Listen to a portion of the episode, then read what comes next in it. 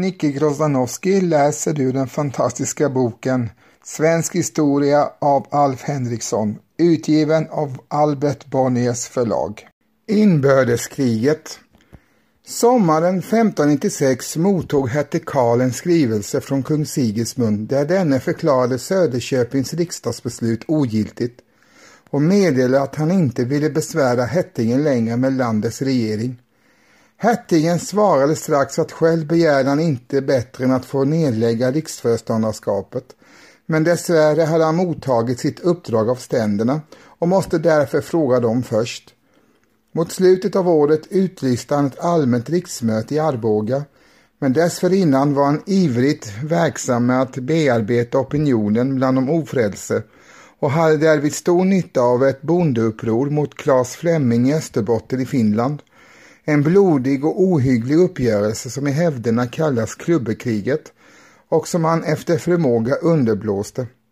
Det gick dåligt för de finländska bönderna och Claes Flemmings framfart mot dem blev ett stort propagandanummer för hertigen vid Arboga möte när detta omsider kom till stånd i februari.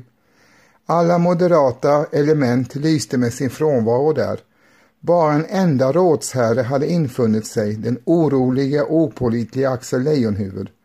Hertigdömets adel hade kommit, men inte det övriga frälset, och ärkebiskop Abraham Angermanus hade hörsammat kallelsen men inte i spetsen för sitt prästerskap.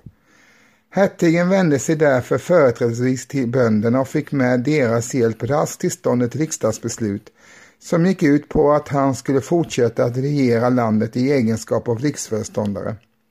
De andra stånden begärde att han skulle förlika sig med rådet eftersom icke ens konungen, än mindre riksföreståndaren enligt Svea rikets lag kunde regera utan råds råde.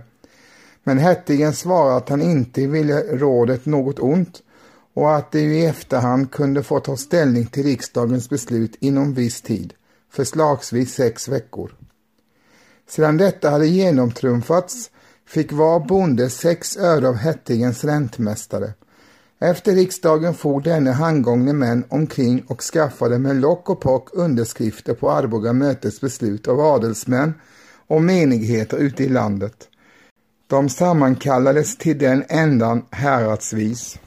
Arboga möte var en signal till öppen strid mellan hertig Karl och kung Sigismund. De sex veckorna föregick utan att rådet officiellt tog ställning i den konflikten, men dess ledande män höll sig borta från alla regeringssammanträden under varje handa ursäkter och förevändningar. Och de av dem som uppehöll sig i Stockholm fann det snart rådligt att bege sig till sina kollegor i Götalandskapen, där hertigens popularitet bland allmogen ansågs vara mindre än vad som var fallet i Mellansverige. Till ett ständermöte som hölls i Stockholm på eftersommaren blev de formligen stämda. Och då de inte kom drev hertigen igenom att de förklarades förlustiga sitt ämbete. Om förloppet av detta möte finns det en berättelse av en präst som hette Archeneus. Den är av bitvis mycket drastisk och ger nog en trovärdig bild av hertigens språk och demagogiska förmåga. En ofta citerad bit handlar om hur hans meningsutbyte med en adelsman som hette Hans Åkesson Sop, vilken dristade sig att frågasätta hertigens rätt att dra i fält mot Claes Flemming och andra rikets råd. Då svarade hans förstliga nåde Drag du åstad och efter du est en förfärlig stor och lång kar får jag gå och skyla mig bak för dig, ty jag ser väl så gärna tio pilar ut i dig som en i mig. Och allmogen i sadeln log därutöver och sade Fick du svar? Sade hans förstliga nåde. Menar du att jag ska se på mitt fäderneslands fördärv?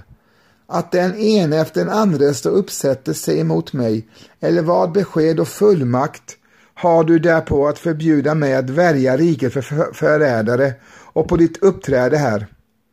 Han sade konungens, hans förstliga nåde sade. Låt mig se det, då talade en annan strunt, hans förstliga nåde sade. Du vet aldrig vad du bjäbbar om, du och de andra som med mig är. Gå bort från mig. Om rådsherrarnas tankar och planer eftervärlden jämförelsevis väl underrättad om, ty deras inbördes korrespondens finns i behåll. Tonen i dessa brev mellan bröder och nära anförvanter är mestadels rätt kurial och opersonlig, men de var tidigt på det klara med att för dem gällde det livet. Redan på tal om mötet i Arboga uttalade de farhågor för ett tillämpat blodbad. Deras motstånd var hela tiden passivt och någon resning tycks de inte ha planerat.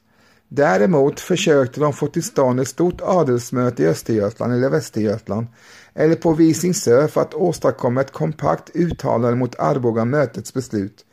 Men hertigen förekom dem och sammankallade själv Västgötaadeln som tvangs att underskriva beslutet. Därmed var spelet förlorat för rådet och Erik Sparre tog strax konsekvenserna och gick över gränsen till det danska Halland. Han följdes snart av Ture Bjelke och Gustav Baner och på andras vägar avvek också riksråden Sten Baner och Göran Posse ur riket och begav sig till kung Sigismund i Polen där Erik och Gustav Brahe sedan länge befann sig.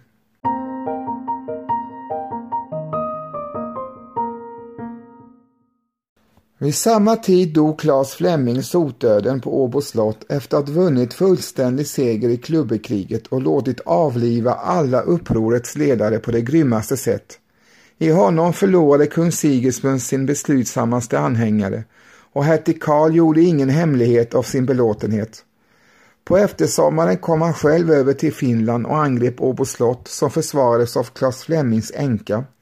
Hon hette Ebba Stenbock och var en modig och tapper kvinna och hennes utsikter att hålla stan var ganska goda ty angriparens kanoner var små och gjorde föga skada på de väldiga murarna under det att slottets artilleri anställde stor förödelse bland hertigens skansgrävare. En student som hette Daniel Hjort, känd i våra dagar som en titeldragen tragedi av den finländske poeten Josef Julius Wexell, lyckades emellertid för hertigens räkning undergräva moralen bland försvararna så att de vid tillfälle deserterade till fienden eller åtminstone avsiktligt sköt bom. När detta upptäcktes gav Ebba Stenbock alla som ville tillåtelse att fritt gå sin väg. De allra flesta avmarscherade då och den besättning som återstod var visserligen pålitlig men ack så gles att vidare försvar var otänkbart. Varför slottet gav sig till hertigen.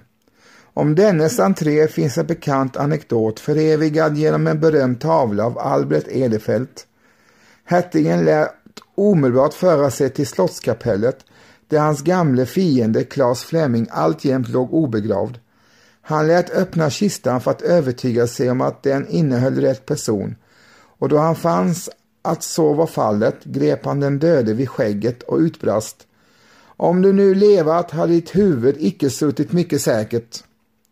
Ebba Stenbock svarade Om min salige herre levat så hade hans nåde aldrig kommit in här.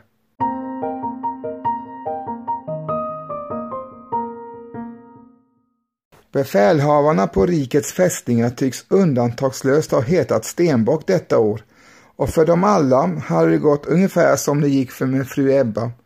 Arvid Stenbock som kommenderade på Vadstena slott var redan bortriven.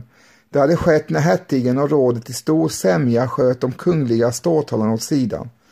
Men på Älvsborgs fästning residerade Erik Stenbock och när hertigen kom för att försäkra sig om slottet gav han genast upp hoppet steg ombord på ett skepp med allt sitt pick och pack och seglade till Danmark. Något mindre medgörlig var Karl Stenbock som förde befälet till Kalmar, ty han vägrade överlämna slottet till hertigen till dess denne hade hämtat dit två grova skeppskanoner och bragt dem i ställning mot slottsporten. Då gav han sig fången och stängdes in på Gripsholms slott.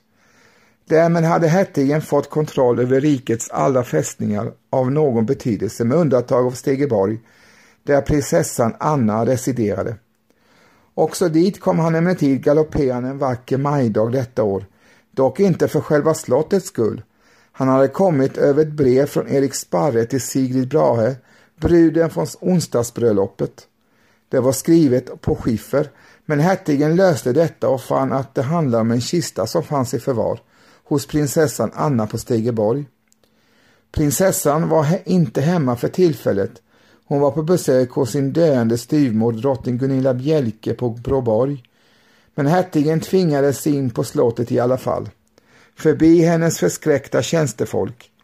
Den nygifte Johan Gyllenstierna, som förresten var katolik, rymde hastigt sin kos och lämnade sin sängliggande hustru att ta emot hertigen som barsk förhörde henne om kistan, vilket han trodde innehålla rikets regalier och Sparres hemliga korrespondens. Efter tre timmars tårfyllt uppträdande fick han omsider fatt i dyrgripen, som dock inte alls rymde så graverande saker som han hade hoppats på.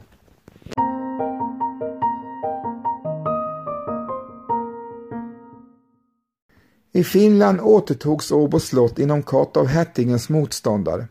En erfaren officer som hette Arvid Stålarm hade nämligen efterträtt Claes Flemming som Sigismunds ståthållare där. Själv dröjde kungen av nödtvång kvar i Polen ända till i början av 1598 då en riksdag i Warszawa omsider ställde en liten armé på 5000 man till hans förfogande. Han kunde ha fått en större styrka om han hade gått med på att låta Estland övergå från sitt svenska rike till sitt polska, men det ville inte kung Sigismund. I juli avseglade han äntligen från Danzig, följd av de landsflyktiga svenska rådsherrarna. Han steg i land i Kalmartrakten och lyckades snart sätta sig i besittning av såväl Kronobergs slott som Kalmar slott, där ett par ursvenska kavalleriregementen, Smålands ryttare och Västgötaryttare mötte upp och ställde sig under hans befäl. En expedition som Arvid Stålarm ungefär samtidigt företog mot Uppland misslyckades visserligen. Ett allmogeuppbåd under ledning av professorerna i Uppsala lär oss skrämt den landstigna finska styrkan på flykten och det hela kallades av någon anledning för korvtåget. Men någon vecka senare kom Sigismunds flotta under en polack som hette Laski till Stockholm och intog staden utan motstånd. Däremot lyckades han inte sätta sig i besittning av den svenska flottan, vars admiraler var pålitliga anhängare av hertigen och ett försök att dra officerarna över på den kungliga sidan utvecklade sig till en tragedi som inte saknar sina poänger. En ung marinkapten som hette De Wick misstänktes för förbindelse med Laski och den svenska rådet och för att få bevis mot honom ställdes överordnade till ett dryckeslag där det fram på småtimmarna kommenderades att alla skulle ta av sig ett klädesplagg för varje skål som dracks. Skålandet fortgick under glam och skratt tills nästan alla satt nakna. Men under tiden genomsöktes de Vicks och andras kläder mycket noga av nyktra säkerhetstjänstemän. Man hittade verkligen en led komplementerande papper och de Wick blev omedelbart dödsdömd och arkebuserad på en holme i skärgården.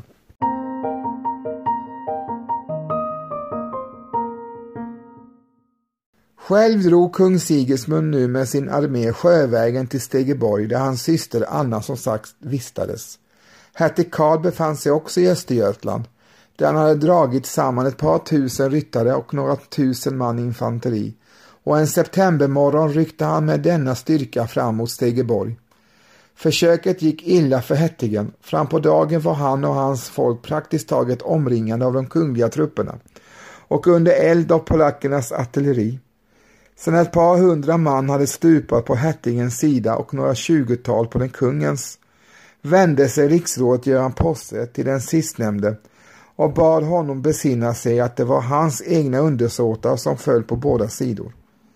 Sigismund, slagen av sanningen i denna tanke, lät då avblåsa striden och sände bud till hertigen att han kunde dra sig tillbaka, vilket omedelbart skedde. Under de följande dagarna gick det åtskilliga försök att åstadkomma en förlikning dem emellan, vilket ett slag såg ut att lyckas. Men då hertigens flotta under tiden ankom Östgötaskärgården höjde denna sina fordringar till den grad att förhandlingarna omedelbart avbröts. Han krävde nämligen att kungen skulle skicka bort sina trupper, finna sig i tingens nuvarande tillstånd och gå med på att hertigen och inte han själv skulle sköta regeringen i Sverige. Inför hotet från sjösidan fann Sigismund det rådligast att dra sig inåt landet från Stegeborg, som mycket riktigt intogs av hertigens folk i slutet av månaden. De polska skeppen, 40 till antalet, blev också tagna och plundrade. Med sin armé begav sig kungen till Linköping och en lugn och disig septemberdag sammandrabbade han med hertigens trupper vid de två broarna över Stångån. Slaget, den sista större drabbning som stått inom det egentliga Sverige, slutade med en klar seger för hertigen som satte sig i besittning av de bägge broarna. Ty han var överlägsen i alla avseenden. Han hade 12 000 man mot kungens 8 000 och 21 kanoner mot kungens sju. Det hela var för sin tid en blodig historia med ett par tusen man i döda och sårade och redan tidigt på förmiddagen var utgången given. Kungen skickade då ett par parlamentärer till Hettingen som strax lät avlåsa striden och dikterade sina villkor tvärs över Stångån för de utsända herrarna som stod på andra sidan stranden. Han krävde först och främst att riksråden Erik Sparre, Ture Bjelke, Gustav och Sten Baner och Göran Posse skulle utlämnas och efter en del förhandlande såg sig kungen nödsakad att gå in på detta. Herrarna slets ur sina gråtandes fruars armar och fördes över bron sedan hertigen muntligen hade lovat att de skulle dömas efter Sveriges lag på en fri riksdag i kejserliga, konungsliga och förstliga sändebuds närvaro. Längre fram på dagen träffades kungen och hertigen personligen och den förre gav middag för den senare inne i Linköping. Konversationen vid bordet rörde sig kring likgiltiga ämnen men berörde inte sakfrågan.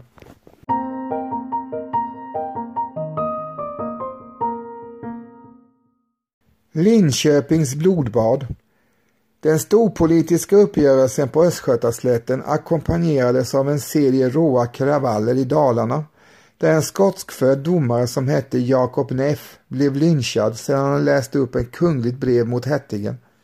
Uppträdena som efter Neff kallas Nävtåget har skildrats i skrift av Leksandsprästen Elof Terserus som utsågs till anförare av sina blodtörstiga församlingsbor men inte förmådde hålla disciplin och hans berättelse om deras våldsdåd, fylleri och mord på sina fångar är ingen upplyftande läsning fast den också innehåller en del triader om Gud, fäderneslandet och de ärliga dalamännen. Skocken drog plundrade nedåt Mälardalen men samlades slutligen vid Brunbäcks färja dit Karl Karlsson Gyllenhielm, hertigens son på sidolinjen, omsido kom och tog befälet.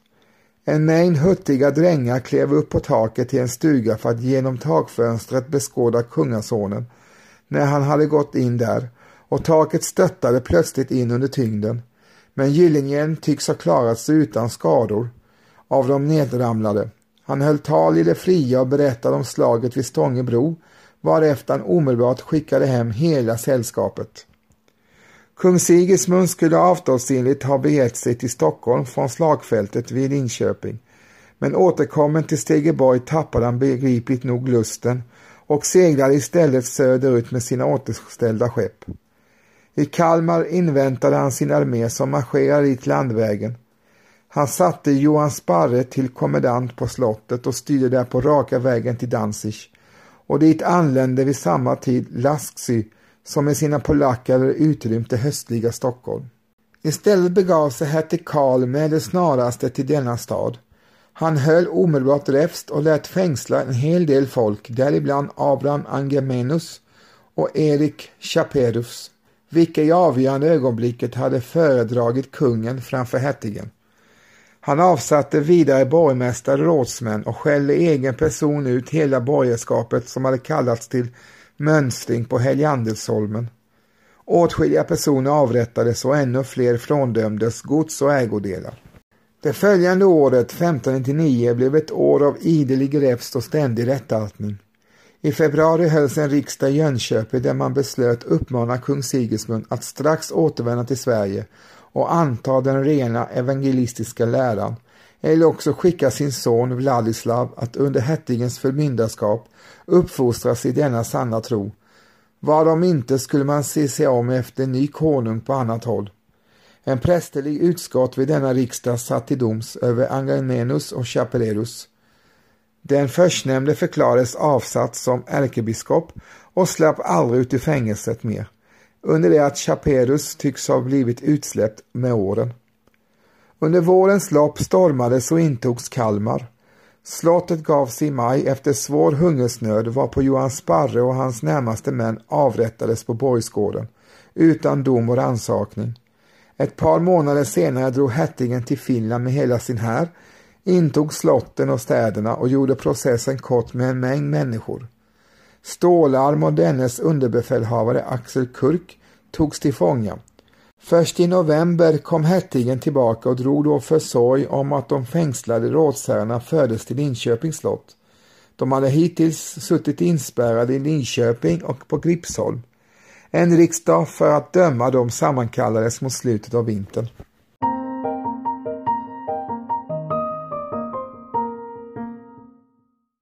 Rättegången som ägde rum i Linköping mars var offentlig och till domare hade utnämnts 153 personer ur rikets alla ständer, utom prästeståndet som bett att få slippa. I domstolen satt 38 adelsmän inklusive några nära släktingar till de anklagade. Ett par bröder Brahe, ett par bröder Bjelke, ett par bröder Lejonhuvud. Det satt vidare 24 kavalleriofficerare, 20 infanteriofficerare, 24 borgare, 23 fogdar och 24 bönder. Flera utländska furstar hade inbjudits att skicka observatörer till rättegången, men endast hertigen av Holstein hade hörsammat kallelsen. Han var ju åklagarens svärfar, ty hertig Karl uppträdde själv som åklagare. Hans uppträdande i den rollen kan knappast ha tilltalat främmande makters civiliserade sändebud, ty han röt och svor mest hela tiden och när det visade sig att försvaret var ganska starkt i sak och att de flesta av de anklagade inte kunde skrämmas till att erkänna någonting straffvärt förlorade han tålamodet totalt. Sju tusen jävlar har vi lovat dem och det ska jag också hålla, utbrast han en gång. Jag lovade dem fyra månaders uppskov med domen och nu står de här efter ett och ett halvt år ännu med friska lemmar. God hjälp med anklagelse och argument hade han av sin sekreterare Erik Göransson Tegel, son till en Göran Persson som en gång hade varit kung Eriks förtroendeman.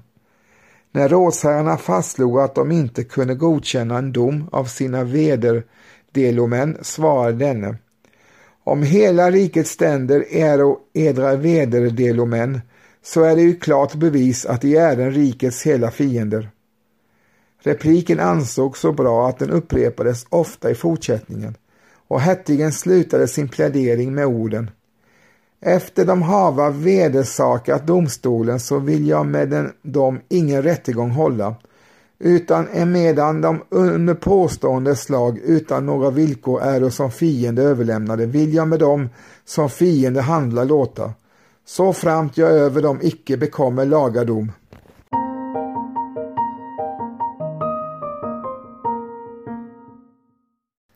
De vid Stångebro utlämnade rådsherrarna var inte de enda som ställdes inför rätta i Linköping och anklagades för högförräderi.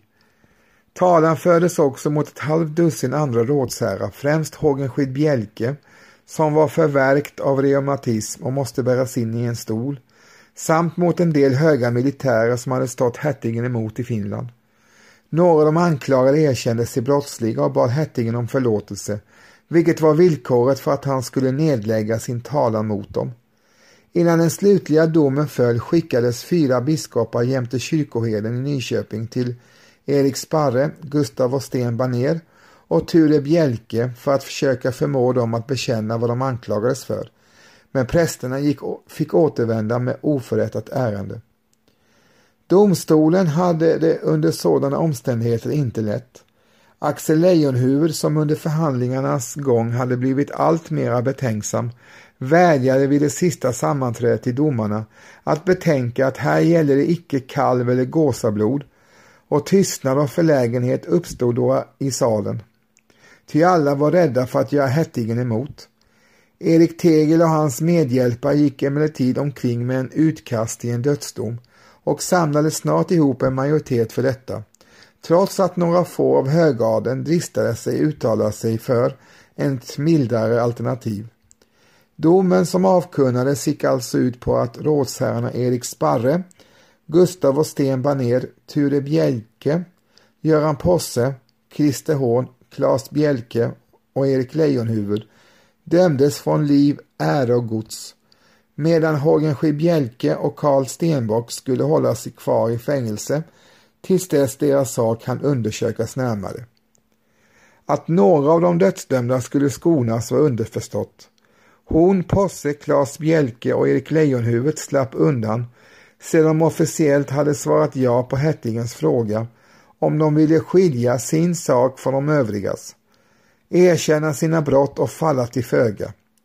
I övrigt gick dödsdomarna i verkställighet efter några dagar sedan alla försök att åstadkomma mildring hade misslyckats. På prästeståndets vägnar åtog sig de holsteinska sändebuden att försöka beveka Hertigen, men detta togs mycket illa upp och när de dömdas hustru och barn ställde sig att knäböja i snödrivorna vid hans väg över slottsgården låtsades han inte se dem. Om delikvantenternas avsked från sina familjer finns ett gripande dokument i behåll, skriven av en dotter till Gustav Baner. Avrättningen är också känd i alla detaljer. Alla herrarna utom Sten Baner, som inte var någon ordets man, höll tal till folket om sin oskuld och om den oförrättliga domen och Erik Sparre läste upp en formell protest som avsåg att ådaglägga olagligheten av både domstolen och domen. Efter uppläsningen rev han manuskriptet i tusen bitar vid åsynen av Erik Tegel, som trädde fram och begärde det, men texten överlevde ändå och hertig Karl satte sig med tiden att skriva ett försök till vederläggning.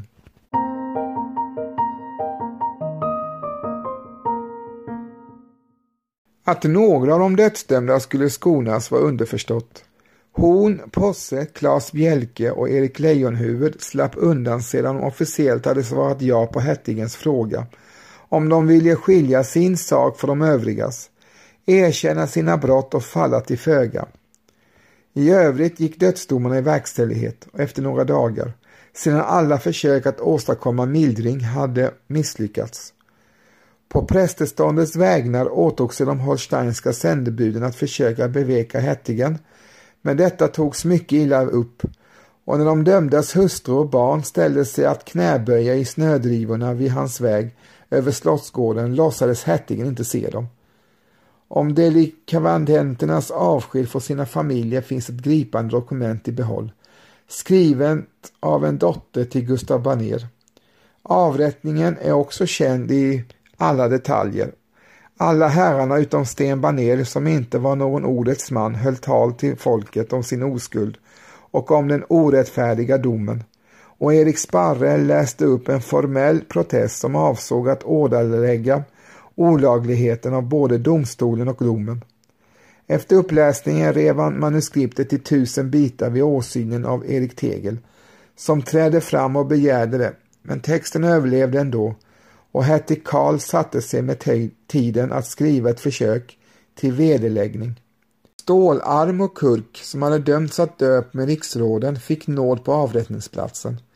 Deras krigskamrat Bengt Falk, som var katolik och avböjde all beredelse från de lutheranska prästernas sida, halshögs däremot utan omsvep såsom det sista offret för det stora justitiemord som inleddes 1600-talet i Sveriges historia.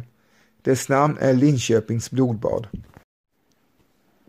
Ni har precis hört mig, Nicke Grozanowski, läsa ett stycke ur den fantastiska boken Svensk historia som är skriven av Alf Henriksson och utgiven av eh, Albert Bonniers förlag.